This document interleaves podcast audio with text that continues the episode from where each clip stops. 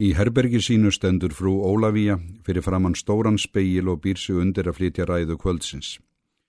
Hún er þegar full samin og það fer ekki á milli mála að þetta er góð ræða.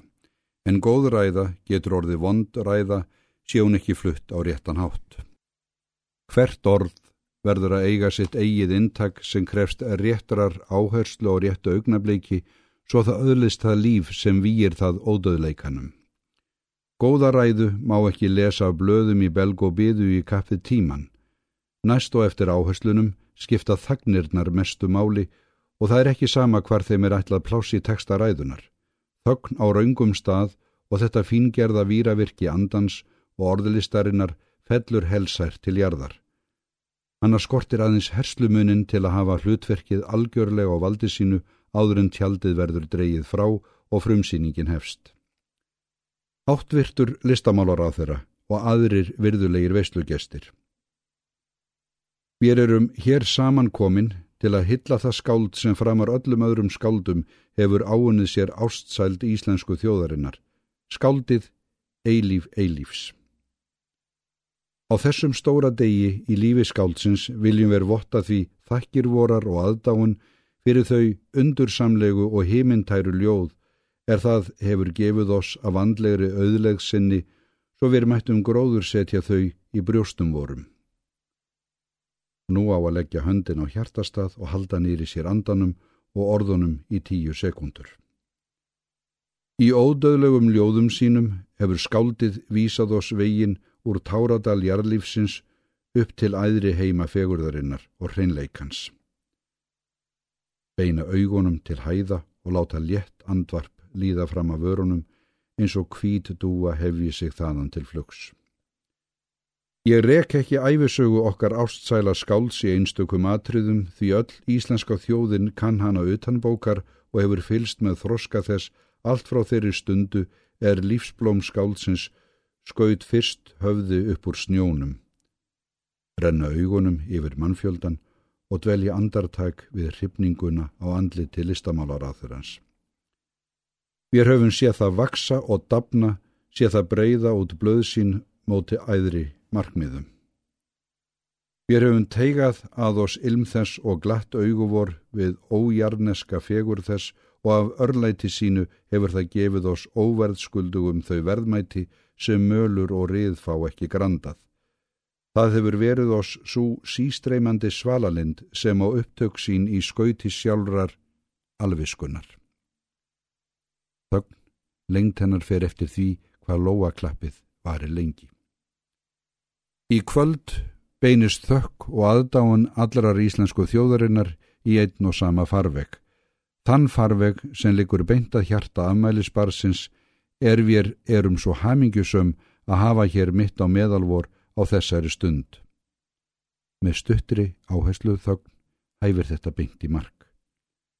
Og um leið og við er af hærðum hjörtum þökkum skaldunu fyrir að hafa opnað auguvor fyrir því háleit og fagra í allífinu, strengjum við þess heit að ávasta þau verðmæti er það hefur gefið oss til arfleifðar komandi kynnslóðum.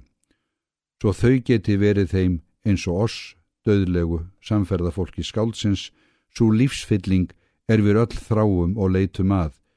Vissan um móðurlega gesku alviskunar, sigur lífsins yfir döðanum, blómið upp úr snjónum. Hátilegt, skjálfandi andvarp eins og veikur fyllutótt er hér á réttum stað.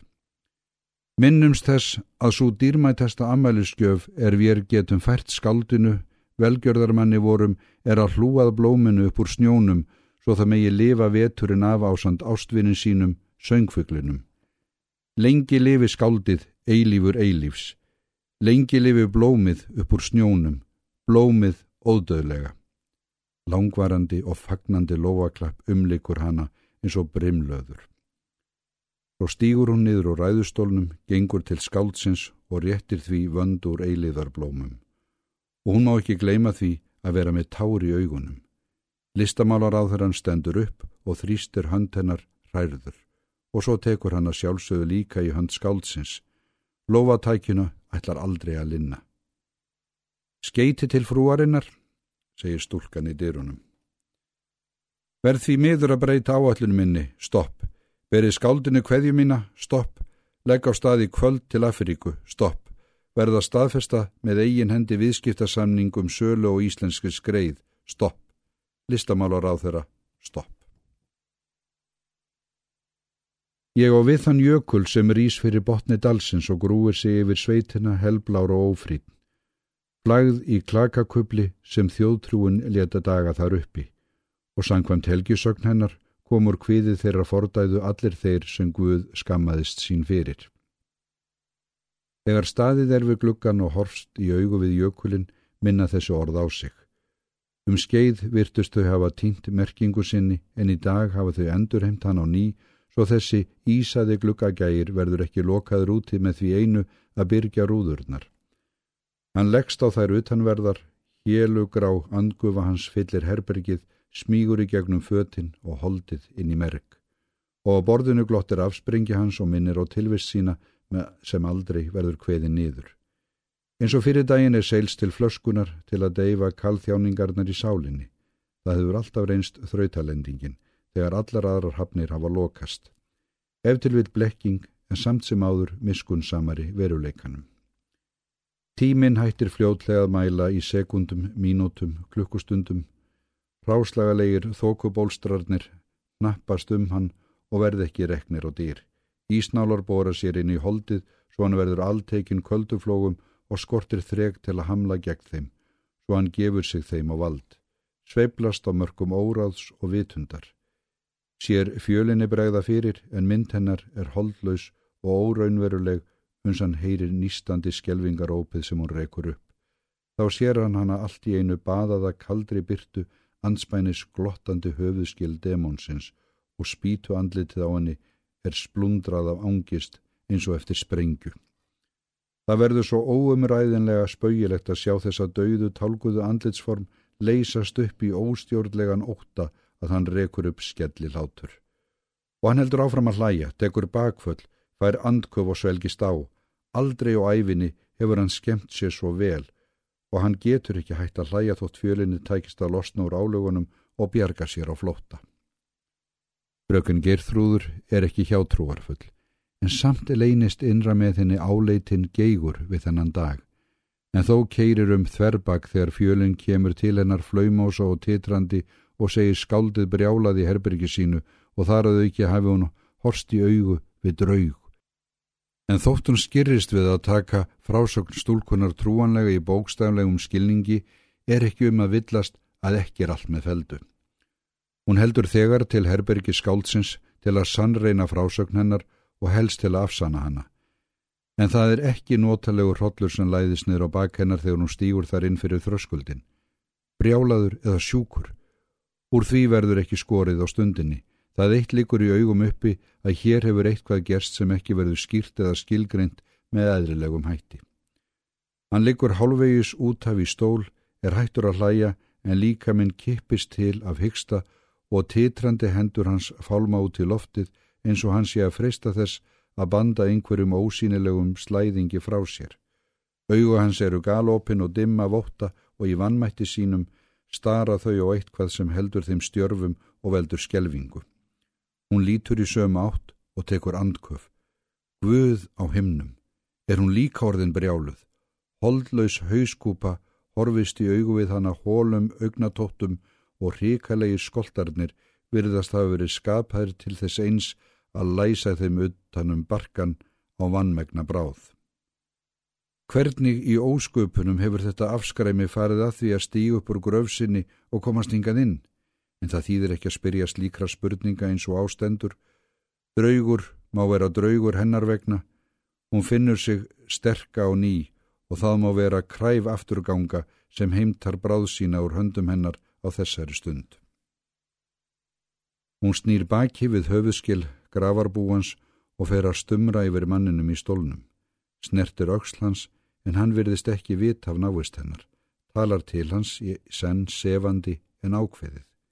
Eilifur, það er bara ég, þú þart ekki að vera hrættur, heyrir þú til mín, ég er hérna hjá þér, ég er komin til að hjálpa þér, þú hefur ekkert að óttast á meðan ég er hérna hjá þér. Eitt hvað á orðum hennar síjast inn í vitund hans, en stjart augnaráðið kvikar ekki frá fyrir stefnu. Hann horfir á mig. Tautar hann svo viklulega að varla skilst. Horfir á mig. Hann ofsækir mig. Hann ætlar að hefna sín á mér með því að gera mig brjálaðan. Ég veit það endar með því að hann gerir mig brjálaðan. Það er ekki um að villast við hvernan á. Hann skal ekki gera þér neitt megin framar, segir frökun Geirþrúður ákveðin, snarast á borðinu, grýpur þaðan, ísaumaðan dúk, bregður honum um hauskúpuna því berum höndum getur hún ekki snert á henni. Vindur sér að arninum og stingur þessum leifum afturgöngunar á glóðina sem blossar upp við þessa gladningu og bríður hana í sig. Þú þart ekki að hræðast hann framar, segir hún, ég er búin að sjá fyrir því. Hann skjelfur enn af hyggst á kölduflógum og kannski veit hann ekki enþá að álögum hefur verið létt af honum. Mér er kallt, stynur hann upp. Brökan Gerþrúður grýpur yfir sengin af rúminu og sveipar hennu mannin í stólnum. Handtök hennar eru ákveðin og fumlaus, búin hann á fullkomnu jafnvægi. Það er svo heitt í herberginu að hún finnur svit hans bretta út um sig en hún lætur það ekki á sig fá.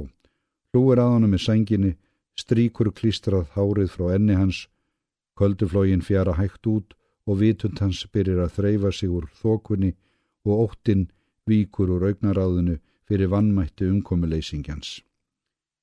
Ég skil það ekki, stamar hann eins og barn sem berst við grát.